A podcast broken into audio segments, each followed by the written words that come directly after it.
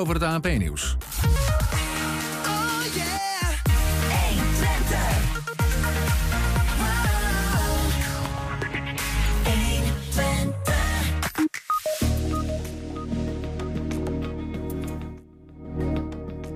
Kan de Mieke. Hey, daar zijn we. Goedemiddag. Deze maand is het 100 jaar geleden dat in Hengelo het Tuindorpbad werd geopend.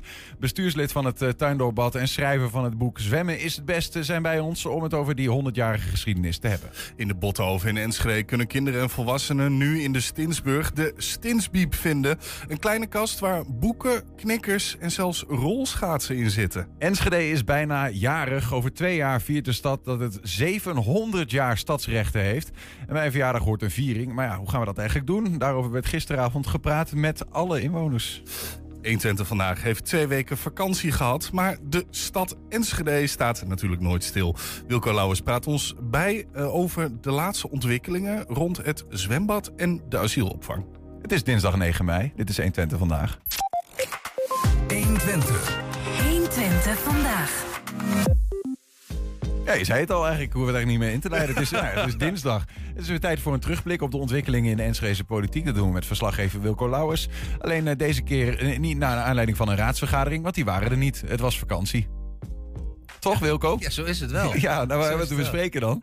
Uh, ja, je zou zeggen, wat heeft een vakantie met, met, met de politiek te maken? Nou ja, dus laat ik zo zeggen, uh, politieke besluitvorming. Hè, het college uh, doet voorstellen aan de raad of er gebeuren dingen. Dan sturen ze een brief aan de raad, uh, aan de gemeenteraad met meer informatie.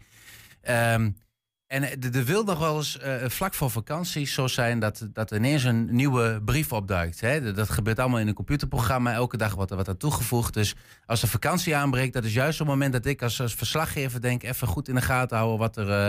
Dat er iets vanaf het college naar de raad wordt gestuurd. Ja, van nou, hier heb je ter informatie, kijk hier en hier eens naar. Ja, precies. En dat zijn vaak hmm. dingen die uh, of een behoorlijke impact hebben... of nou, niet heel goed uitkomen, zeg maar, om, om te delen. Dat is lekker voor de vakantie, want dan, uh, dan is de angel er al een beetje uit. Hè? Want uh, anders kun je meteen, uh, zullen sommige partijen zeggen... ik wil maandagavond daar meteen over hebben in de gemeenteraad. Nou, dat kan niet, want het is reces.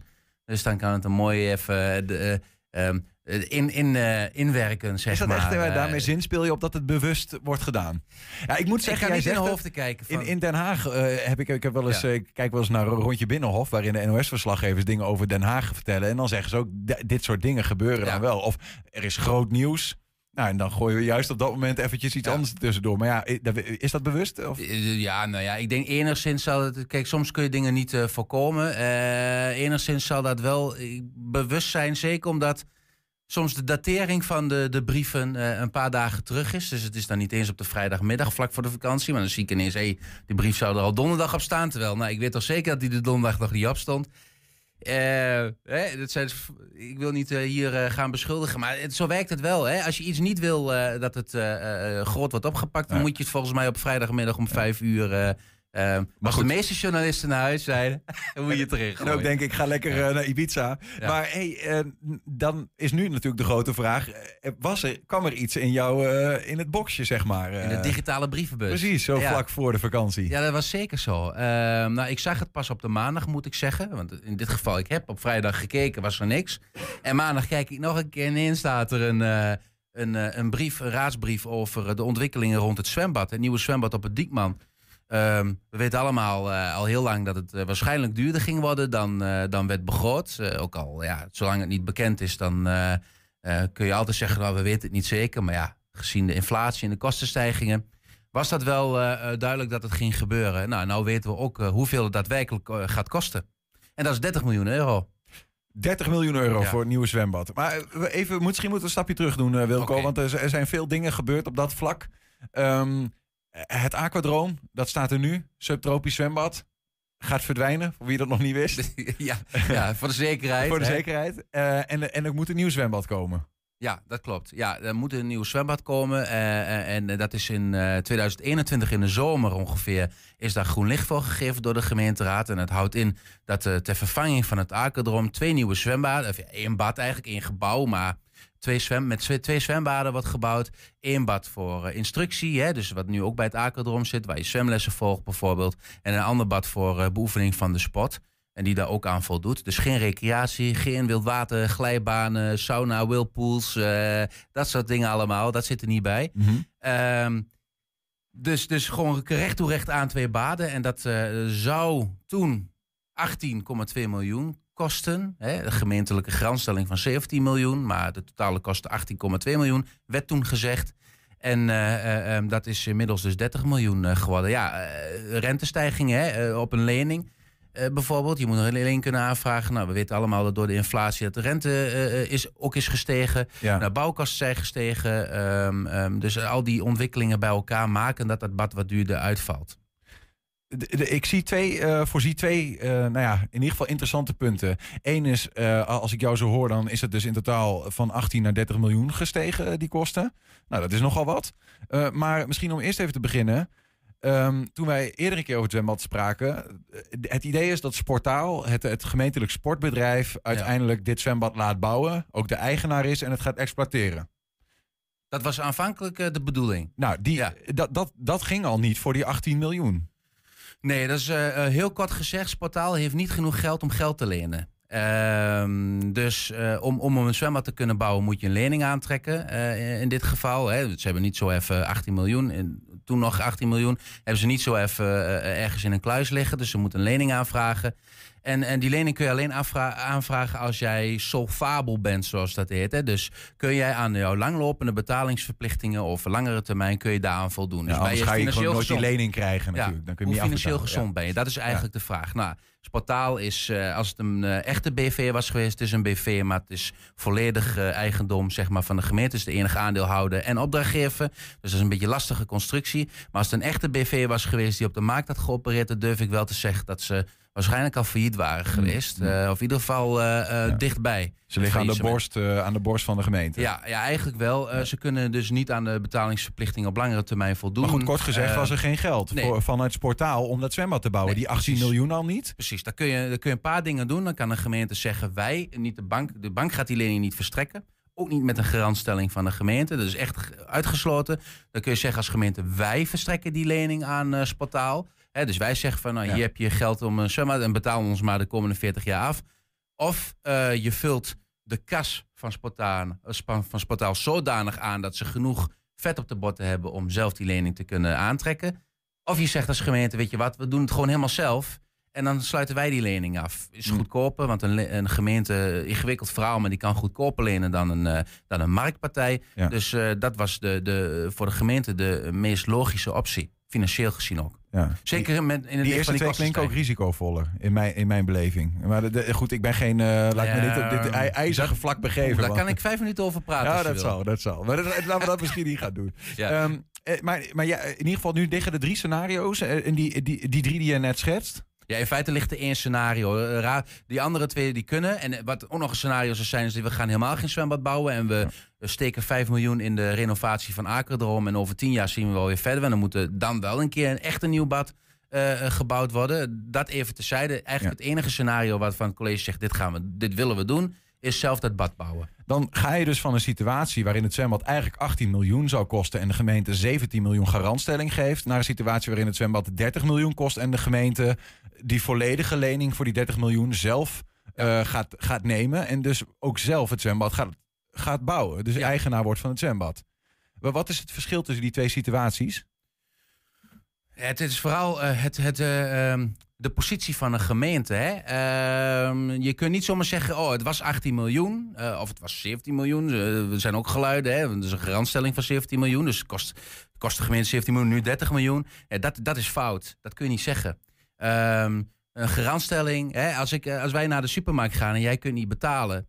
Hè, bij de kassa. Mhm. En dan kunnen we twee dingen doen. Dan zeg ik hier, eh, Niels, eh, ik geef jou 10 euro voor die eh, boodschap. Eh, betaal mij de komende vijf jaar betaal je mij af. 2 euro per jaar. Belachelijk eigenlijk. Maar goed, het, eh, stel je voor die situatie. zie je ervoor aan. Ja, je betaalt me de komende vijf jaar 2 euro per jaar af. Ja. En dan is het risico. Ik heb dat geld al uitgegeven. Dat jij me ergens, hè, dat, je, eh, dat je naar het buitenland vertrekt. En dat ik mijn geld nooit weer zie. Hè. En dan heb ik eh 8 euro nog openstaan bijvoorbeeld. En dan moet ik afschrijven. En dan komt Dat het kleine broertje die de garantstelling heeft gegeven en die zegt, nou dan betaal ik het af. Nou, de garantstelling is een ander verhaal. Dat we bij dezelfde kassa staan. En dat jij zegt ook, ik haal mijn portemonnee bij de redactie op. En dat die cashier zegt, hé, hey, maar uh, hoe weet ik nou dat je terugkomt? Ja. En dat ik als de volgende in de reis zeg, weet je wat, ik, uh, ik garandeer die 10 euro, als Niels niet terugkomt met de portemonnee, Ja. dan leg ik die 10 euro. Dat, het risico is hetzelfde, want het kan zo zijn dat jij niet terugkomt. Ja. En dan draai ik voor die 10 euro op. Maar in het ene geval heb ik de 10 euro al uitgegeven, in het andere geval heb ik hem nog in de zak. Dus het is een, ook nog geen kostenpost, het is alleen een risico. En dan, zo moet je die hier ook zien. De gemeente heeft hier 17 miljoen als een garantstelling gegeven. Dat is een risico. En eh, eh, bij, bij Sportaal. Maar uiteindelijk, Sportaal is een min of meer gemeente. Dus stel je voor, Sportaal had die 17 miljoen helemaal zelf kunnen, eh, kunnen betalen.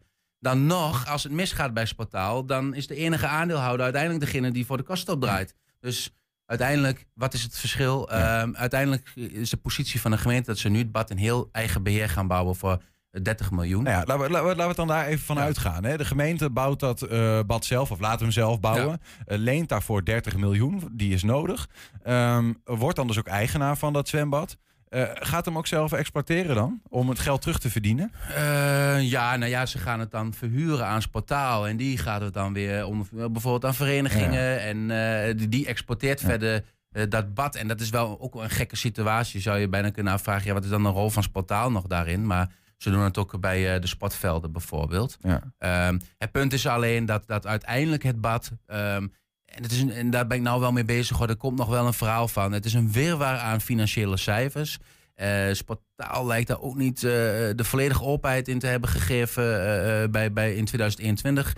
Die 18 miljoen was toen al 22 miljoen. Maar blijken achter de schermen allerlei kosten te zijn geweest. Dus in feite was het niet 18 miljoen, maar zou je kunnen zeggen met een eerlijke vergelijking 22 miljoen en nu 30 miljoen. Dus Ja. het is 8 miljoen duurder. Maar goed, even onder de streep. Ja. Ehm, eh, we horen die reclames op, in, op, eh, op eh, radio, weet ik veel wat. Geld lenen kost geld, is niet zonder risico. Ehm, 30 miljoen die de gemeente zelf moet gaan lenen. Ehm, is dat nou ook risicovol? Of hoor ik jou eigenlijk zeggen, ja, de gemeente kan goedkoper geld lenen, dus misschien onder de streep valt het nog wel mee. Ja, van mij valt dat mee. Kijk, en je moet je afvragen, is een zwembad een voorziening die de stad zou moeten hebben? Ehm, en wil je dat de gemeente die voorziening eh, draagt of dat het een marktpartij doet? Maar we hebben het al eerder over gehad. Het Sportaal is geen van beide. Sportaal is geen gemeente en Sportaal is geen marktpartij. Want ze mogen volgens hun eigen statuten ook niet concurreren met eh, andere marktpartijen. Dus wat is dan de winst van Sportaal als ze dat bad hebben? Als ze dat niet kunnen exporteren op de manier zoals een, een marktpartij, hè, eh, zoals Sportfonds eh, bijvoorbeeld, of Optisport, eh, het zou doen. Ehm, dat is het ingewikkelde ervan. Dus, dus wil jij als gemeente dat bad zelf exporteren? Ja, dat, dat is een keuze en dat gebeurt al veel in gemeenteland. Dus eh, is dat extra risico? Nee, nee ja, goed. eh, het, het kost geld, 30 miljoen. Dat moet je uiteindelijk wel afbetalen. Nu dan, eh, de- de- de- hier moet nog iets over gezegd worden of gaat dit gewoon gebeuren? De, moet de gemeenteraad er nog iets van De vinden? gemeenteraad moet er nog wel wat van zeggen. En de, de, de vraag is natuurlijk, kun je, kun je terug? Hè? Kun je nog zeggen, we gaan het niet doen? Ehm, dan zou je 5 miljoen in Akadol moeten steken van grondige renovatie. En dan, toch blijft bestaan.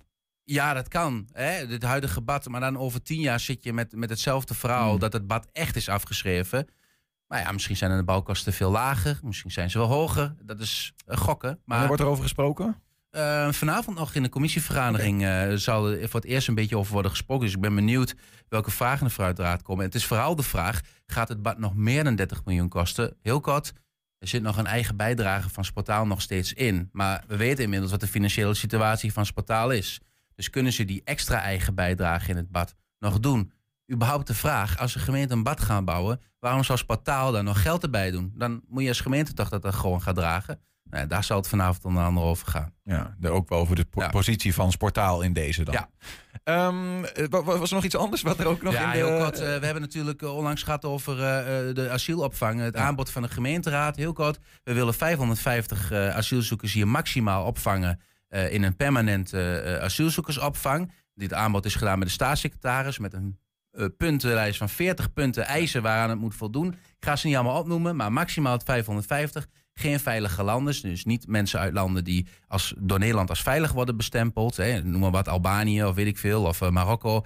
Eh, en eh, eh, ehm, en de, de, eentje is dat er dan het Rijk geld moet geven aan de gemeente bijvoorbeeld voor de tekorten op jeugdzorg of tekorten aan agenten. Ja, ook nog iets terug moet Ja. geven. En een handtekening van de Ja, staatssecretaris. daarmee ging, want dat zat eh, Barry Overing toen namens de coalitie hier. En Ja. daarmee eh, hebben ze wethouder Arjan Kamman op pad gestuurd. Die is met de staatssecretaris in uh, conclaaf gegaan. Met dit aanbod eigenlijk daar naartoe. Dit is wat onze gemeenteraad wil. En er moest een handtekening komen van de Ja. staatssecretaris. Ja. In ieder geval een, een antwoord. Ja. En dat kwam er. Het antwoord is eh, de handtekening niet. En de handtekening gaat ook niet komen, want eh, een contract over asielzoekersopvang wordt gewoon gesloten tussen het Centraal Orgaan Opvang Asielzoekers COA en, eh, en de gemeente. Daar bemoeit de staatssecretaris zich in die zin niet mee. Dus die handtekening gaat er niet komen. En ook de beloftes, nee, die doet hij ook niet. Ehm, nu was het al wel bekend, ja, een, een staatssecretaris van asielzaken, die kan jou niet jeugdzorggeld beloven. Daar was al eigenlijk al rekening mee gehouden dat dat er niet zou komen. Maar wat uh, zal steken bij een aantal fracties in de gemeenteraad, en bijvoorbeeld de initiatiefnemers deels, hè, burgerbelangen, VVD, is dat de belofte over veilige landers niet kan worden uh, gedaan. Nou goed, dat is één ding. Maar ook het maximum van 550, dat Enschede dus die 550 gaat opvangen en voor de rest met rust wordt gelaten de komende jaren. Ook die belofte wil uh, Van den Burg, Erik van den Burg, de staatssecretaris, niet doen. Nee. Um, en dat, uh, dat zal wel uh, steken. Hè? Dus, dus, uh, ja. Maar hij maakt graag gebruik van het aanbod om asielzoekers op te vangen. En, dat begreep ik ook, want jij hebt hier natuurlijk destijds ja. wel een stukje over geschreven. En ik denk van ja, eigenlijk wat de staatssecretaris in mijn beleving doet... is gewoon, nou, dankjewel voor het aanbod. Eigenlijk die voorwaarden die je stelt... Nou, die kan, daar kan ik niet zoveel mee, maar ik wil wel graag op je aanbod ingaan om asielzoekers ja, bij te dat plaatsen. jullie het aanbieden. Ja, ja, ja precies. Maar dat was nou precies niet uh, wat de coalitie zich daarbij voorstelde. Die zeiden nee. eigenlijk, ja, het is een take it or leave dat it is aanbod. Het, dat is het. En dat zou eigenlijk moeten betekenen, zeker VVD en BBE. Kijk, andere partijen hebben duidelijk gezegd, uh, een PvdA, een GroenLinks, dat ze, een D66, dat ze, dat ze eigenlijk niet zoveel uitmaken met die eisen. Dat ze gewoon die opvang willen bieden. Maar zeker VVD en BBE, misschien wel CDA. Ik ben benieuwd, dat zal misschien wel de, de beslissende partij hierin uh, gaan zijn in deze stemming. Ze moeten dan eigenlijk zeggen, we gaan het niet doen. Je houdt je niet aan, aan, de, aan de eisen, dus is ons antwoord nee. Dat is, dat is wat in de motie staat. Ja, dat is wat ze beloofd hebben. Ja. En dus de, de, de, wethouder komt nu weer terug met het antwoord en legt die weer aan de gemeenteraad voor van dit is het voorstel van de ja. staatssecretaris. Wat vinden ja. jullie daarvan? Ja. Uh, wanneer komt dat? Uh... Dat, is, uh, dat heb ik nog niet uh, op de rol zien staan, moet ik eerlijk zeggen. Uh, nou, dat weet ik even niet. Wat Binnenkort. Als, wat als Enschede zegt, ehm, ja, dit voorstel nemen we niet aan. Want nou, daarvan werd toen gezegd, nou dan gaan we heel moeilijk doen als het op een gegeven moment erop ja, aankomt. Ja, dan, dan zou in feite het bod, hè, als we moeten geloven zoals het eerder is gezegd, het bod van Enschede moeten zijn bij de regiotafels, waarin dit soort afspraken gezamenlijk als Twentse regio worden gemaakt. Zou Enschede daar moeten zeggen, ehm, ons aanbod voor asielzoekers is nul. En ehm, dat is het. Ja. ja, en dan loop je het risico dat straks, uh, als die nieuwe asielwet er doorkomt. Uh, die zogeheten dwangwet. Ja, ja, die is nog. Uh, al dan niet met dwang gemeenten kunnen, kunnen worden gezegd: jullie gaan zoveel. Dat, dat hier gewoon een asielzoekerscentrum wordt opgericht, als het ware. zover is het nog niet. Die moet nog door het parlement heen.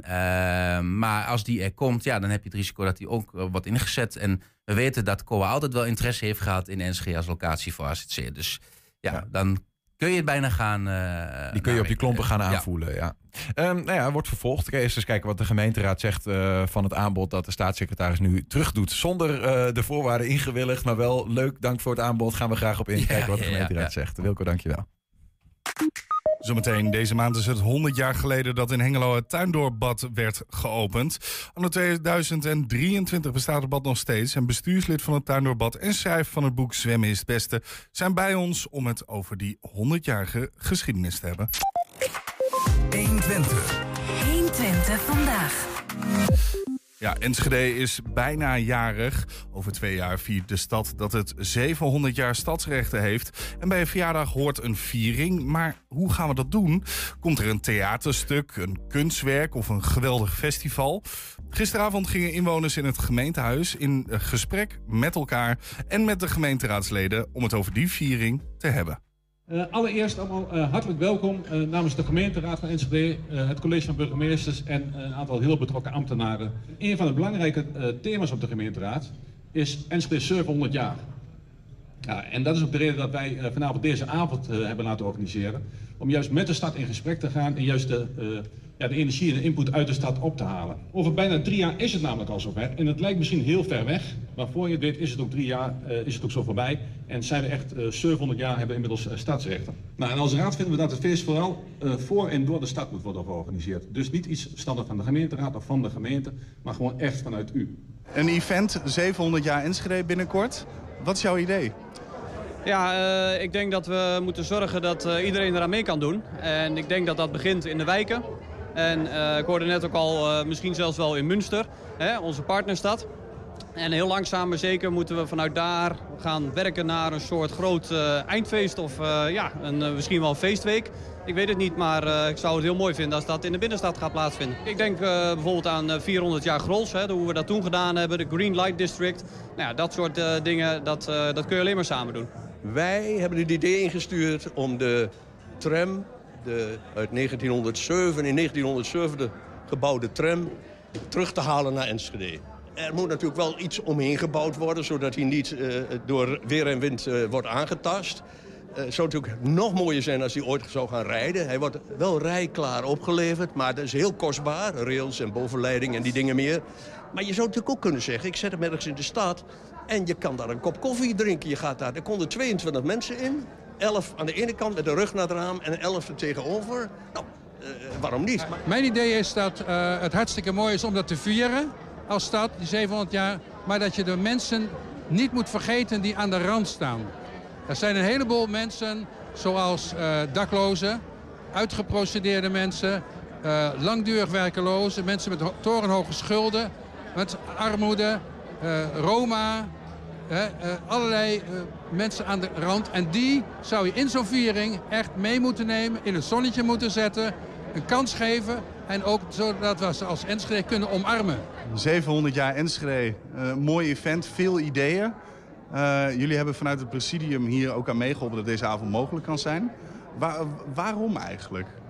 Nou, omdat we het belangrijk vinden dat we de 700 jaar Enschede vieren. Maar dat moeten niet alleen wij verzinnen, maar juist de mensen die in onze stad wonen of die in onze stad gewoond hebben. Of de jongeren die een toekomst hebben in onze stad.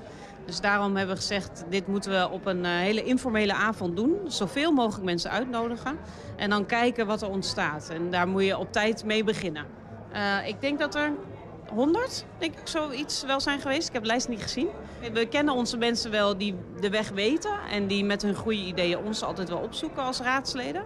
Maar we wilden juist ook vanavond de mensen hebben die je niet zo snel uh, ziet, maar die je wel weet dat die van betekenis zijn voor de stad. En ik sprak dus net ook met iemand die zei, ja, uh, ik weet eigenlijk niet zo goed waarom ik uitgenodigd ben, maar ik vind het wel heel tof om hier te zijn en ik wil erbij betrokken blijven. En dat zijn volgens mij juist de mensen die, nou, die wij dus bedacht hebben, die van betekenis kunnen zijn. Dat is gisteravond in het Enschedeze stadhuis. Wat gaat er nou verder gebeuren? Er wordt een eh, stichting opgericht binnen niet al te lange tijd, zegt de gemeente. Uh, Enschede 700 jaar heet die. Die stichting gaat het hele feestjaar coördineren. En daar kunnen mensen met hun ideeën terecht. En de stichting zal dan gaan bepalen of uh, mensen ideeën, middelen krijgen om die ideeën verder uit te gaan werken. En nou ja, wordt vervolgd dus wat dat betreft. Dan, deze maand is het 100 jaar geleden dat uh, het Tuindorpbad in Hengelo werd geopend. Anno 2023, nu dus, bestaat dat Tuindorpbad nog steeds. Sterker nog, het ziet er nog bijna hetzelfde uit als toen het werd opgericht in uh, eh, 1923. Maar het had niet veel geschild of het bad was er uh, niet meer geweest. We gaan praten over de geschiedenis van het bad en dat doen we met bestuurslid Janine Franken. Welkom. En ook met uh, Marco Krijns, schrijver van het boek... Zwemmen is het beste over 100 jaar uh, tuindorpbad. Marco, ik denk bijna, er is niks waar jij niet over schrijft als er in Hengelo wat gebeurt. Nou, ik schrijf graag en ik kom uit Hengelo, dus dan gebeurt het al gauw dat je na een boek over iets uit Hengelo gaat schrijven. Ja, ja. ja klopt. Janina, als je uh, kijkt naar die geschiedenis, mogen we het dan een klein wonder noemen dat het tuindorpbad uh, nog bestaat? Nou, eigenlijk wel. Want um, los van die 100 jaar is het ook zo dat het bad twee keer met sluiting bedreigd is geworden in het verleden. Mhm. En dat er enorme protesten uit de wijken en uit, vanuit de zwemmers kwam om het bad te behouden. Houd dat vast. Een Ja. mooie teaser voor zometeen komen we uitgebreid op terug, ook over die bedreigingen. Eh, misschien goed om eerst even uit te leggen dat tuindorpbad op zichzelf. Hè. Ik heb een x-aantal eh, eh, foto's, maar Marco, misschien kun je vertellen... hoe is dat bad ontstaan? Want dat is, een- is- het is niet zomaar een zwembad. Nee, het is, het, eigenlijk is het een zandafgraving oorspronkelijk. Eh, de wijk Tuindorp het Lansing werd gebouwd. eh 1911 is het begonnen. En eh, voor die wijk, voor de bouw van die wijk, was zand nodig om het op te hogen. Het lag allemaal heel erg laag. Nou, zo ontstond die zandafgraving. en die vulde zich met water. En daar werd gezwommen, spontaan gezwommen. En de firma Stork, de machinefabriek, vond het helemaal hartstikke mooi en prachtig. Alleen, eh, het is ook een beetje rommelig. Het moest allemaal wat weer georganiseerd worden. En ze wilden het eigenlijk ook een beetje stimuleren. En dus werd er eh, een architect in de arm genomen, meneer Beut. En die mocht daar een, eh, een zwembad ontwerpen. Ja. Want even zo'n zo'n tuindorp, voor mensen die dat niet, niet weten... dat is een soort ehm, wijk waar die Stork bouwde eigenlijk voor zijn eigen werknemers... en er ook tussen ging wonen, min of meer, toch? Met de, de- de- Ja. Als in de directie daar liet wonen. Een soort van sociale wijk. Ja, het was een hele vernieuwende wijk eigenlijk. Stork zelf heeft daar trouwens niet gewoond. Althans niet eh, de eerste lichting Stork. Maar eh, daar woonden wel de ingenieurs tussen de arbeiders. eh, alle standen door elkaar in dezelfde straat soms. En, Maar is, deze, is dit tuindorp dan een toevalligheid geweest? Zeg maar van ja, nou ja, goed, die afgraving die was gedaan omdat de huizen moesten worden gebouwd. Het vulde zich met water, grondwater, regenwater, weet ik veel wat voor water. En mensen gingen er zwemmen en dachten, nou, staat best wel goed eigenlijk. Ja, maar het past ook wel in de, in de filosofie van Stork. Hè? Want Stork, daarom bouwde hij, eh, hij ook de, de wijk. Eh, die had het beste voor met zijn werknemers. Die wilde dat die werknemers gezond waren, fit waren, zich lekker voelden. Nou, die hadden een goede huisvesting nodig, dus eh, daarom die wijk. Maar die moesten ook een beetje eh, lekker gaan zwemmen, want daar bleven ze gezond. En hoe gezonder je bent, hoe efficiënter je werkt. En hoe minder vaak je ziek bent. Dus dat was ook een soort eigenbelang. Ja. En, en daarom hadden ze ook de slogan... wassen is goed, baden is beter, maar zwemmen is het beste. En dat was een slogan die stond... Vandaar de titel Ja, van jouw boek, precies. Zwemmen is het beste. Zwemmen Hier staat hij, hè? Ja. En, en nou ja, dat deden ze. Overigens eh, eh, was daar ook nog wel wat voor nodig. Want gewoon zwemmen in, eh, nou ja, laat ik zeggen, hemelwater, grondwater... is misschien op een gegeven moment niet zo heel erg goed meer. Maar daar komen we zo op. Misschien goed, we hebben een aantal foto's om een beeld te krijgen van het bad. Janine, dit is 1930... Eh, Ja. dat is dus niet zo heel lang eh, nadat het bad überhaupt geopend was. Wat, wat, ja, wat zien we? Wat, hoe ligt het bad erbij? Nou, eh, in die tijd eh, was het zo dat er een soort dienstregeling was. En dat er eigenlijk vanaf 's morgens 7 uur tot 's avonds eh, 7 uur... eh, verschillende groepen mochten komen zwemmen. En mannen en vrouwen natuurlijk gescheiden. In ja? die tijd, ja. Want eh, je mocht natuurlijk niet gemengd zwemmen. En er werd natuurlijk ook eh, zwemlessen gegeven. En de mensen gingen aan een hengel.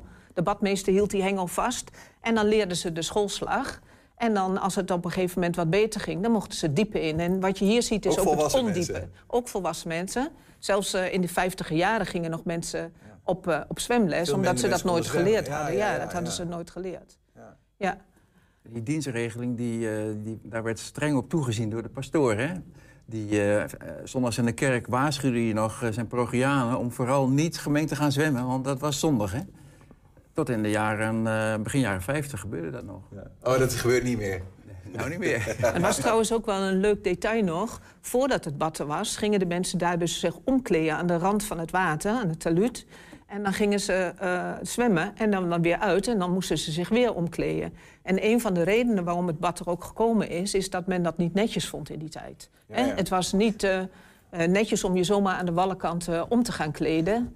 Ja. ten eh, aanzien van eh, alle wo- wijkbewoners. Nee, precies. Maar dan met het bad bedoel je dan dat het wa- eh, wat officiëler werd ingericht eh, Ja. door, door de storkfirma? Ja, wat je ziet dan, hè, dit bad is dus later gebouwd. En dat zwemmen gebeurde gewoon in die hele vijver voordat het bad er was. Ja, ja precies. En gewoon nog, we hebben, we hebben nog, nog wat meer foto's, even om de, in de loop van de tijd te laten zien. Waar we, we zijn nu, denk ik, even jaren 50. Is Klopt. Ja, dit is jaren 50. Toen heeft het bad eh, ook weer een verandering doorgemaakt. Eh, eh, er werd het, dit is een ondiepe stuk wat veranderd is. En de zijkanten staan, zijn hier opnieuw aangebracht, de wanden. En in die tijd, nou, die was al wat eerder gebouwd, kwam ook die duiktoren die je ziet. Hier ziet het er al wat meer uit als een soort van recreatieplas. Ja, hè? je ziet nog wel aan de bomen ook dat het... ja, het is allemaal, als je nu daar komt, zijn de bomen nog weer veel verder en veel groener allemaal. Het, uh, het is nog wel een beetje in de beginjaren. Een beetje kalig eromheen, ja, wat dat betreft. Ja. nog één foto dan, even jaren 60, 70. Ja, is zie dit? je dat nou groen al, hè? Is het, is het, ligt het er nog zo bij? Uh, of, of, is er nog wel wat veranderd ook uh, na die tijd? Ja, er is eigenlijk wel regelmatig iets veranderd aan het bad. Um, in het begin waren er enorm veel kleedhokjes. Uh, helaas zijn er wel wat rijen kleedhokjes verdwenen. De een, één is nog helemaal origineel. En de duiktoren is later vervangen door een ijzeren duikplank. En die mag niet meer gebruikt worden vanuit de regelen, regels die we vandaag de dag hebben. Want er moet altijd een badmeester bij een duikplank staan. En dan uh, heb Klinkt je... enigszins cynisme ja. door in deze opmerking. Ja. En uh, dat betekent gewoon dat je... Dat, dat is voor ons veel te duur om uh, apart ja. één badmeester altijd bij de duikplank te hebben staan. We zijn al blij dat we de badmeesters kunnen betalen. Um, voordat we verder ook over, weet je, over het nu gaan praten, wat er allemaal nog gebeurt. Um, Marco, de, we hadden het al even over dat bad wordt, of er wordt een gat gegraven, daar staat water in, nou, daar wordt een bad van gemaakt. Een van de dingen die dan nodig zijn, is natuurlijk dat dat water schoon blijft lijkt mij. Want dat gaat niet vanzelf. Nou ja, het geluk tussen aanleidingstekens was en is dat daar kwellen onder die vijver liggen. En die, en die kwellen die zorgen voor aanvoer van vers water. En uh, in de jaren 30 is er ook uh, ondergronds, uh, of onder het wateroppervlak, een, een, een, pijpleiding gegraven. Waardoor dat verse water, dus in, in het deel waar die kwellen zitten, verse water aan te voeren richting het zwembad. Met uiteraard een, eh, een motor van eh, Stork om, eh, om, dat, om die pomp aan de gang te krijgen. Ja. En er is ook een pomphuisje gebouwd, dat is er nog steeds. Het is nog onderdeel van het Rijksmonument, want het is intussen een Rijksmonument. En ja, zo heeft elk onderdeel van dat zwembad wel zijn, zijn geschiedenis en zijn verhaal. Is, is hier ook, want het, het, het, tuindorp zelf was een soort van schoolvoorbeeld voor Nederland... voor hoe een arbeiderswijk eruit zou kunnen zien. Um, het tuindorpbad, heeft hij ook opvolging gekregen? Als in dat in andere wijken in Nederland dezelfde dingen zijn gebeurd? Nou, ik kan me, er zijn best wel wat tuindorpen uh, in Nederland gebouwd. En ik ken er ook wel een aantal. Maar uh, een tuindorp met zo'n bad, midden in de wijk... met een oorspronkelijk bad nog, met al die houten badhokjes... en, en die, die badmeesterswoning bijvoorbeeld... Ja, dat is volgens mij wel echt uniek. uniek. Het is echt een uniek levend monument eigenlijk. Ja, ja. Um, een monument was het niet altijd. Uh, dat heeft er nu wel voor gezorgd dat er iets meer stabiliteit is in uh, nou ja, het bestaan van het bad. Uh, want dat brengt wat voordelen met zich mee. Um, Janine, neem ons eens mee in de bedreigingen die het, die het bad heeft gekend. Ja, in de, in de jaren zeventig ehm, is het bad eigenlijk door de gemeente opgegeven. Dat, hè, ze zeiden van ja, dat is niet meer van deze tijd. Hè, er komt een Twentebad wordt er gebouwd en dan kan eigenlijk zo'n natuurbad beter sluiten. En uh, toen ja, was er ook niet meer voldoende geld, er werd bezuinigd. En toen hebben ze besloten om nou, het bad te verkopen aan de gemeente voor een, voor een, gulden. En vervolgens zijn er toen heel veel protesten gekomen... Van dat, dat er mogelijk het bad zou gaan sluiten. Dat wilden de wijkbewoners en de zwemmers natuurlijk vooral niet. En nou, dat heeft een, een, periode geduurd. Een aantal keren is er nog gezegd... nou, het bad mag nog vijf jaar blijven bestaan. En toen nog eens een keer vijf jaar. Ja. En zo rommelde dat een beetje door tot de jaren negentig. En toen werd er opnieuw gezegd, ja, het bad doet, voldoet totaal niet aan de, aan de hygiënemaatregelen van deze tijd. En uh, ja, uh, het bad moet uh, gaan sluiten. En toen hebben de wijkbewoners en weer de zwemmers en een aantal verenigingen hebben de handen ineengeslagen. En die hebben een protestactie in de raadzaal van de gemeente Hengelo georganiseerd. En daar hebben ze de hele avond ja, eigenlijk de vergadering verstoord met hun protest. Met de badmuts op. Ja, en, ja, en uiteindelijk ja, heeft dat dan ook weer geresulteerd in dat het bad toch kon blijven bestaan... Mm. als het door een stichting dan zelf geëxploiteerd zou worden. Okay. En dat is gebeurd. Het bad was ook in slechte staat in die tijd... En het is toen weer helemaal opgeknapt, weer in de kleuren zoals het origineel was. Ja. Geel en groen. Maar en, met welk geld dan? Uh, het, de gemeente heeft toen nog wel wat geld bijgedragen. Ik dacht dat Stork in die tijd ook geld heeft bijgedragen nog. En uiteindelijk uh, uh, is het bad door vrijwilligers gaan, uh, ja, overeind gebleven. Hè? Doordat er, hè, we hebben geen personeel in dienst. Het enige personeel wat we hebben, dat zijn de badmeesters. En die zorgen voor die veiligheid. Ja, en de, de, kosten zijn dus daardoor ook wat, wat lager. Wat ja, dat nog steeds. Ja. Uh, daardoor kan het, maar ook omdat het dus een, een rijksmonument is geworden. Dat, dat biedt wat, wat, wat bescherming, denk ik, hè, Marco. Hoe is dat gegaan? Nou, dat was ook een uh, gevecht hè, om het tot een rijksmonument verklaard te krijgen. En, en je het, Wat betekent dat als iets een rijksmonument is? Nou, dat het een beschermde status heeft. Dat je het ook niet zomaar mag afbreken. Dat je ook vol, moet voldoen aan bepaalde eisen uh, voor onderhoud. Hè. Dat je niet zomaar dingen mag veranderen. De mensen die in een, in een rijksmonument wonen zijn er niet altijd blij mee. Omdat ze beperkt zijn. Maar... Blijven zoals het was. Ja, ja. en, en nou, dat is mooi, want uh, wat Janine ook zegt... Uh, er zitten zoveel oorspronkelijke elementen nog in dat bad. En ja, die moet je eigenlijk behouden. Ja. En uh, de beschermde status, geeft die ook, brengt dat ook geld in het laadje? Of was dat niet per se... want ik vraag me een beetje af, je moet het nu nog wel allemaal kunnen bedruipen ja. natuurlijk. Ja. Hoe, hoe, hoe, werkt dat? Nou, Waar krijg je, haal je inkomsten vandaan? De, van de kaartjesverkoop, de abonnementenverkoop natuurlijk... En uh, de gemeente draagt nog een, uh, een, bedrag bij aan subsidie jaarlijks. Dat is niet zo'n groot bedrag. En verder zijn, zijn de, is het bad toch afhankelijk ook van dat er subsidie verleend wordt door de pro provincie. Dat gebeurt wel eens. En ja, als er groot onderhoud gepleegd moet worden, dan moeten we toch kijken van, nou, dat we het geld wat. ja. Straks een mooi verhaal over twee mensen die uh, nu nog altijd in dat tuindorpbad zwemmen... en die elkaar daar ook min of meer hebben leren kennen, uh, 53 jaar geleden. Maar Marco, ik vroeg jou net al even van het uh, Rijksmonument geworden. Dat is een, strijd, strijd geweest, uh, begon je te vertellen. Ja, omdat kijk, de gemeente, en dat is natuurlijk interessant, zul ik in het boek zien... Ehm, het is een soort voortschrijdend inzicht. Hè? Eigenlijk was het bad gebouwd, toen was er nog geen enkel uh, zicht op een overdekte, verwarmde uh, accommodatie. Die, die had je in Nederland niet. En in de jaren 60 gebeurde dat. Nou, Engelo kreeg in de jaren 70 ook eindelijk dat overdekte Twentebad, verwarmd en ook open lucht. Ja, en dan, uh, dan, dan is zo'n tuindorpbad helemaal niet meer interessant. En, en überhaupt het hele tuindorp, hè, tuindorp het land. Ik was een wijk die ook een beetje in verval dreigde te raken. Want Iedereen wilde een doorzoomwoning. Hè. De moderne tijd was aangebroken. Alles moest strak. De paneeldeuren moesten eruit. Dat glas in loop moest eruit. Nou, dat gold ook een beetje voor dit tuinderbad. Dat was oude, oude meuk. Uh, dus je kon het beter slopen en ergens een nieuw bad Inclusief uh, tuindorpbad, ja. ja. Zo zat de gemeente erin. En ook heel veel mensen, behalve dus de tuindorpbewoners. En ja, die hebben eigenlijk... Uh, uiteindelijk, dankzij een, een, een, prijs die ze wonnen van het Oversticht... dat hebben ze gestoken in een een planontwikkeling. En dat plan hebben ze uiteindelijk doorgekregen bij de gemeente.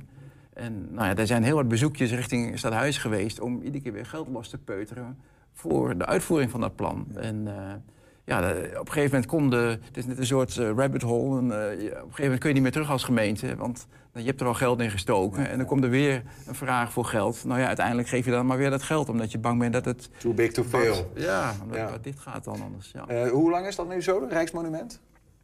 Um, jij weet het ik beter dan ik. dacht van 1994. Oh, ergens in de jaren 90. Best een behoorlijke tijd. Ja. Uh, jullie hadden het er net al even over, toch opmerkelijk, hè? Mannen en vrouwen gescheiden in die begintijd. De pastoor keek erop toe, zei zondag in de kerk nog even van... jongens uh, en meiden, niet doen. En uh, dat, dat duurde niet lang. En uh, allemaal gelukkig niet voor uh, Herman en Yvonne. Uh, zij hadden elkaar anders nooit, nooit gevonden daar. En nou ja, ze groeiden op bij het bad, werden er verliefd. En trouwden 53 jaar geleden en komen er nog vrijwel altijd. Dagelijks? Ja, we waren lid van die zwemclub en er werd van alles georganiseerd. En uh, ja, de meisjes zijn ook geïnteresseerd in de jongens natuurlijk. Zeker één keer per jaar hadden we dus een uitje van de, van de zwemclub zelf. En daar is eigenlijk een beetje de vonk over, uh, over gesprongen. Ja, op een gegeven moment voelde je gewoon voor een bepaalde jongen iets meer als voor de ander. En ik denk dat ik, toen ik echt verliefd werd op Herman... Wij uh, hadden uh, in Buurzen altijd een kamp. En overdag dan uh, waren de activiteiten. En s'avonds was een speurtocht. En dansen. En ik geloof dat ik toen eigenlijk verliefd op jou werd. En tenminste, dat zeg jij altijd. Ik zag je dansen. En toen dacht ik, oh, daar wil ik ook wel wat mee. dus ik was 25 toen we getrouwd zijn. En jij was 22. 22. En was eigenlijk meteen helemaal goed. Dus ja. wat dat betreft ja, we hebben daar eigenlijk nooit, uh, nooit echt spijt van, nooit spijt van gehad. niet. Ja, dat is mooi om te zien, toch? Zo'n uh, stel dat zonder het landse tuindorp, tuindorp nooit had bestaan, hè, misschien wel. Ja, het is, het is een, een, eh, ik heb ook met andere mensen gesproken die elkaar daar ook moeten hebben en nog steeds getrouwd zijn en kinderen hebben. Het is echt ook een plek waar allerlei romances en liefdes zijn ontstaan met uh, vergaande gevolgen. Wat, is de charme van zo'n bad dan, Janine? Nou, het, grappige is dat als mensen daar langs rijden... het bad vaak niet eens opmerken. Maar als ze het opgemerkt hebben en ze komen echt binnen... dan sta je als het ware daar wat hoger dan en de rest van de, uh, de, de, rond de vijver. En dan, dan, ja, dat heeft een bepaalde charme. Het lijkt net alsof je op een boot staat of zo, dat je op een schip bent. En het, je kijkt heel mooi uit, het is heel mooi licht.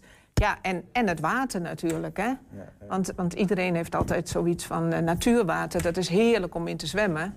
En de mensen die in het tuindopbad komen... die hebben juist weer een beetje een hekel aan chloorwater. Ja, ja, maar het is een soort van veredelde recreatieplas. Ja, ja. ja want je zegt ook echt, je komt echt binnen. Het is niet zo van, uh, je moet wel echt door een ingang. En, uh, je komt wel door een ingang, maar je, je komt als het ware je, op een soort verhoging. Ten opzichte van de rest van de huizen die daar staan. Ga je er zelf wel eens... Uh... Ja, in de zomer altijd. er wordt ook gewinterdipt, maar daar doe ik niet aan mee. Dat vind ik een beetje te fris. Maar, je kunt er de hele, in de zomer... het hele jaar kun je er terecht, hè? Ja, ja, ja. ja. ja in de zomer bijna elke dag. Nou, ik heb er in het verleden regelmatig gezwommen. En uh, zaterdag bij de uitreiking van het boek neem ik natuurlijk mijn zwembroek mee. ja, ja. ja, dat geloof ik wel. Dat gaat zaterdag nog gebeuren. Um, er is nog één ding waar ik nog even langs wil. Dat is het Castorbad. En misschien moet ik die dan aan jou stellen, Marco. En dat is aan de noordkant van Hengelo. Ja. Uh, is dat een vergelijkbaar... Want het heeft dit niet overleefd. Ja. Castorbad is vergelijkbaar. Uh, daar is trouwens ook een zwemclub ontstaan. En dat was de rivaliserende zwemclub, uh, Weustag. En, uh, en, en bij uh, Tuinderbad had je HZC. Later zijn ze gefuseerd. Ja, ja, ja, ja. En, um, nee, de, en, maar dat was te ver. In die tijd vond men, vond men dat te ver. En het lag eigenlijk naast ongeveer waar nu het Twentebad ligt. Hmm. En dat was ook de reden om een eigen zwembad en een eigen zwemclub uh, op te richten. In het Tuindorp, in ja. Hengelo-Zuid. Dus het, het Castelbad heeft het moeten loodje gelegd. Ja. Ja. ja. Maar goed, het Tuindorpbad is nog altijd, nog altijd daar. Ehm, het boek over het, uh, het bad, hè, wat je hebt geschreven. waarom? Want je, je hebt überhaupt, we hebben elkaar eerder gesproken over het, het, het het Lansing. Heb je ook al een boek geschreven, 100 ja. jaar Tuindorp het Lansing. Uh, dit had ook een hoofdstuk uh, kunnen zijn. Ja, en, en toen ik eraan begon, dacht ik ook wel van... nou, dat wordt best nog wel een opgave om daar een kloek boek van te maken. En het is maar twee vierkante kilometer bij wijze van spreken. Mm -hmm. Maar um, nou ja, het is gelukt. Ik heb, ik heb een oproep uh, geplaatst op social media en ook in de krant met de vraag of mensen hun herinneringen wilden delen. En uh, ja, tot mijn verrassing heb ik echt tientallen uh, mails ontvangen van mensen. Soms met hele verhalen over hun herinneringen aan dat tuindorppad. Dus het heeft ontzettend veel losgemaakt. Uh, veel van die herinneringen gingen over de zwemles... die s ochtends vroeg om zeven uur al werd gegeven... als het bad nog ijs en ijskoud was. En, en de, de, ouders zaten dan in een winterjas te kijken hoe hun kinderen zwemles kregen van de badmeester, vlak voordat ze naar school gingen. Uh, maar Met foto's erbij? Ja, ja. maar er zaten ook, uh, uh, ook reacties bij van mensen die, die hadden een, een, vis achter het badpak gekregen. Of, bij, tijdens de zwemles. Want ja, er zwemmen gewoon vissen in. Hè? Het, is, het, is, het is geen gewoon zwembad. Geweldig. En ja, dat soort reacties, dat heeft mij ook wel wat duidelijk gemaakt hoe, hoe, belangrijk dat bad geweest is in, in, voor heel veel mensen. dus en daarnaast uh, heb ik uh, de familie van de vijf eerste badmeesters kunnen achterhalen. Uh, de eerste 50 jaar ongeveer is dat dan. En die, en die badmeesters wonen in dat badmeestershuis, de dienstwoning. Daar waar, woonden ze echt? Ja, daar wonen ze. Dat was ook verplicht. Hè? Je, je, moest toezicht houden het hele jaar door. Maar het gekke was dus, die badmeesters hadden maar vier maanden per jaar werk. Hè? Dus van half mei, als het bad open gaat, tot half september ongeveer. Ja. En die andere acht maanden hadden ze eigenlijk niks te doen. Maar ja, dan gingen ze werken in, uh, in de fabriek, bij, uh, bij Storken natuurlijk. Zodat ze toch nog een uh, redelijk salaris hadden het hele jaar door. Ja, ja. Maar ja, en, en, en, die waren oorspronkelijk natuurlijk allemaal keurig gekleed in een strak wit pak. In de loop van de jaren werd dat iets informeler. Maar ja, die, al die vijf badmeesters en die familie daarvan... die, die komen ook uh, uitgebreid aan bod. En, en, heel veel mensen hebben daar ook weer herinneringen aan. Geweldig hoor. Het is echt wel een, een, een, een tijdsdocument ook. Hè? Als je ziet wat voor, een, wat voor badpakken ook de mannen aan hadden bijvoorbeeld. En zo zie je maar dat je dan inderdaad van zo'n zo'n bad toch nog een heel boek kunt, kunt maken. Zeker. Um, aankomende zaterdag, dan is het de viering, de grote viering, 100 jaar tuindorpbad in, in Hengelo. dan zal jouw boek ook worden gepresenteerd. maar dan is er nog meer aan de hand. Ja, om tien uur dan, uh, wordt het bad feestelijk geopend met uh, ammonia, muziek. Dat doen we elk jaar. Maar dit jaar is natuurlijk extra feestelijk, want uh, de burgemeester komt en er zijn een aantal sprekers. En er is een tentoonstelling in de tuinzaal van het bad. En smiddags is er een film in het ROC in de Storkzaal. En s'avonds is er over een groot die, over feest. ook, ook over het tuinbouwbad ja. film. S'avonds een groot feest. Ja. Skinny dippen aan het eind. Waarschijnlijk wel. uh, en uh, waar kunnen we, de, want het boek is denk ik ergens te verkrijgen, de film is misschien ergens te zien. Uh, ja. Tot slot dan. er is een site onstuindorp.nl en daar is dat boek ook te verkrijgen. Kijk, en ook op www.tuindorpbad.nl kun je ook kijken als je naar het feest wil of naar de film. Nou, ga kijken. Uh, Janine Franke en uh, Marco Krijnse, dank jullie wel. Uh, mooi, mooie verhalen vanuit, vanuit Hengelo, vanuit het tuindoorbad. En veel plezier aankomende zaterdag. Dank je. Graag gedaan. Straks de column van Ton Ouwehand. 120. 120 vandaag. Ja, in de Enschedeze wijk Bothoven zit de buurt Transburg. Ja, in die buurt kunnen de kinderen en volwassenen nu in de Stinsburg de Stintbiep vinden. Een kleine kast waar boeken, knikkers en zelfs rolschaatsen in zitten. Niet om stof op te vangen, maar om geruild te worden. Saria, twee jaar geleden had jij een idee. Uh, nu staan wij ervoor. Waar, waar staan we voor? Uh, voor de mini-biep. Hoezo kwam je bij dit idee? Uh, omdat zeg maar, ik dacht, ja, er gebeurt zeg maar bijna niet echt iets veel hier in deze buurt. Dus ik dacht, kunnen we dit wel hier neerzetten? Dus dan tenminste dat er wel gewoon wat gebeurt hier. Twee jaar ben je ermee bezig geweest, maar hij staat, de mini-biep, hier op de Transburg. Ja, hij is geweldig geworden. Vind je niet? Echt ja. super. Dus in eerste instantie was waar die kwam. En toen hadden we een uh, locatie gevonden. Maar daar mochten sommige, sommige kinderen niet komen. Dus er moest een andere locatie komen. En dat duurde een beetje lang vanuit de gemeente, helaas. Ja. En toen heeft buurman samen met mij opnieuw opgepakt... en hebben we deze locatie gevonden. En hij staat hier super natuurlijk. En toen dacht ik, ah, super gaaf idee om zo'n uh, zo'n bibliotheek te bouwen. Ik ga Sylvia helpen. Toen hebben we een aanvraag geschreven naar het wijkbudget. En uh, nou, die hebben het uh, toegekend. Lezen, het is, Ja. dat doet toch bijna niemand meer? Nee, maar ik dacht, want je kan ook zeg maar, aan de achterkant kan je ook gewoon spullen neerzetten. En dan kan je gewoon zeg maar, ruilen. Bijvoorbeeld, je hebt een boek dat je niet meer leest en je wil een ander, kan je die dan gaan ruilen. En als er zeg maar, te veel boeken zijn, dan hebben we zeg maar, van domein hebben we ook zeg maar, een sleutel gekregen. En dan kan je dat zeg maar, um, in de opslagkamer neerleggen. Is de aanwinst voor de wijk? Ja, ik vind het wel zeker. En hij is natuurlijk ook vernoemd, hè? hij heet de Stinspiep. Ja, dat uh, geeft net een beetje extra, vind ik. I iedereen maakt zich een beetje zorgen dat de kast, of die kast wel heel blijft. En, maar daar hebben we wel een goed idee voor uh, bedacht. We hebben namelijk ook waterpistolen gekocht. Dus we gaan uh, alle kinderen van de buurt bewapenen met waterpistolen. En als er ook maar iemand erop klimt of hem kapot maakt, dan ga je nat. Maakt het jou ook een trotse inwoner dat je zoiets met elkaar hebt kunnen maken hier? Ja, ik denk dat je de samenhorigheid weer terugbrengt, wat heel belangrijk is. Ja, dat was dus uh, uh, in de, bij de Stins uh, biep. En ik hoop dat de waterpistolen een beetje hebben gewerkt. Want het is toch zonde als zoiets kapot moet gaan. Heb je nog een tip voor de redactie? Mail dat dan naar redactie.120.nl 120. 120 vandaag. Welke, welke, ma welke maand is het ook alweer? We hebben vakantie gehad, we zijn er een tijdje uit geweest. Ja, achter jou is dat goed te zien. Het, oh, is, ja. het is mei. En uh, dat kan maar één ding betekenen. Jazzmaand. Ja, precies. Is alweer een week aan de gang. ja. ja. Ton Ouwehand. Ja. Ik heb gehoord, uh, dit is niet vaak zo, maar dat je column gaat over mei maand, jazzmaand.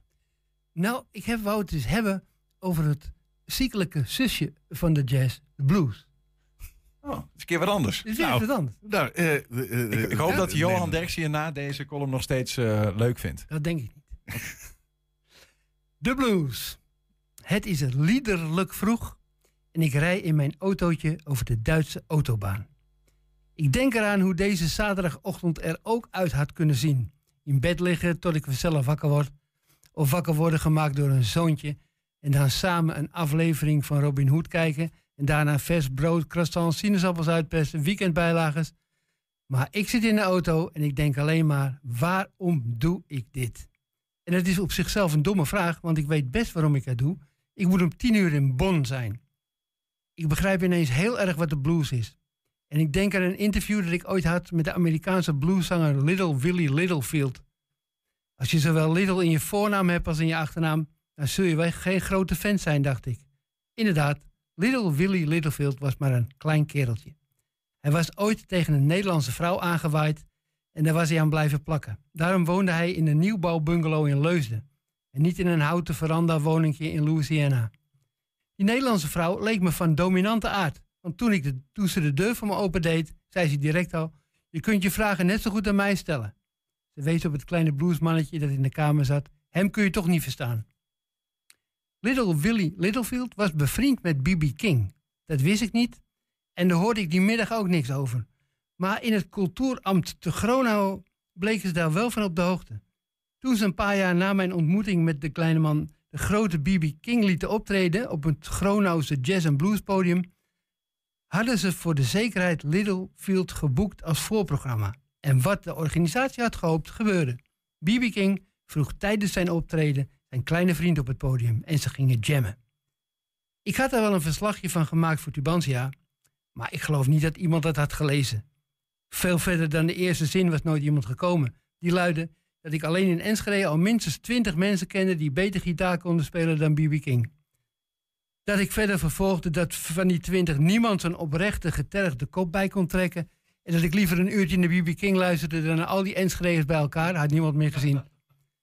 Met dit soort verhalen in je kop schiet de reis over de Duitse autobaan wel op. Tien minuten te vroeg zelfs loop ik de lobby binnen van het hotel in Bonn waar ik wezen moet. Hier ergens zal mijn interview met B.B. King plaats hebben.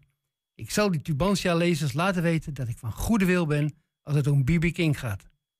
Als ik een groepje grote zwarte mannen bij elkaar zie staan, voel ik haarfijn aan dat zij me met B.B. King in contact gaan brengen. Hun zwarte t-shirts met daarop in witte letters de naam van de bluesman en daaronder een getekende gitaar onderstrepen dat gevoel. Ik schiet zo'n kerel aan en zeg dat ik om tien uur een afspraak heb met B.B. King. Hij kijkt me ernstig aan. Hij zegt dat het niet zal gaan. B.B. King ligt te slapen. Hij heeft gisteren lang gereisd en daarna een concert gegeven. Het is heel laat geworden. Hij zal het me eerlijk zeggen, B.B. King ligt er nog maar een paar uur in. Ik vraag hoe laat het interview dan kan plaats hebben. Drie of vier uur in de middag is het antwoord. En dan gebeurt er iets waarin ik mezelf niet herken. Ik ben er zeker niet trots op, maar ik zeg, ik ga hier geen zes uur rondhangen. Als het nu niet kan, dan rijd ik terug naar huis. Kies maar, haal hem uit bed of ik ga nu weg. De mannen vergaderen even, loodsen me een ruimte in, waarna een kwartiertje B.B. King komt binnenwandelen. De grote vriendelijke reus van de blues heeft slaapogen. Het antwoord op mijn openingsvraag hoe het met hem gaat is veelzeggend. Wat denk je zelf? Je ligt lekker te slapen en dan moet je je bed uit voor een interview. Ik lees met hem mee. En dan moet je ook nog eens tegen mijn hoofd aankijken. Dat antwoord bevalt hem wel. Dat maakt het nog erger, zegt hij. En zo ontspint zich toch een aardig gesprek. B.B. King blijkt het leuk te vinden om het over muziek te hebben. Nu is niet over veelgestelde vragen over zijn kinderarbeid op de plantage, de verhoudingen tussen zwart en wit, en of hij familie is van Freddie King, Albert King of de pepermuntfabrikant uit Snake.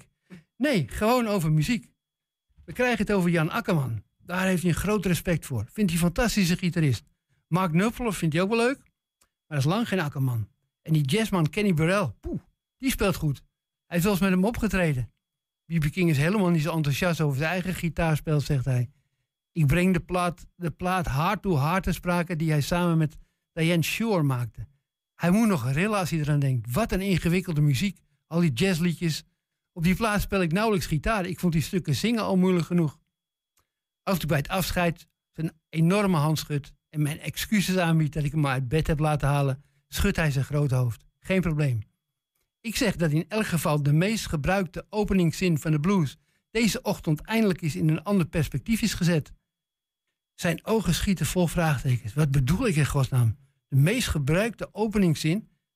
U heeft zelf een song die zo begint, zeg ik. Woke up this morning. De grote vriendelijke reus verlaat de ruimte met een vrolijk gezicht. Terug naar bed of een nieuwe bluessong schrijven, wie zal het zeggen?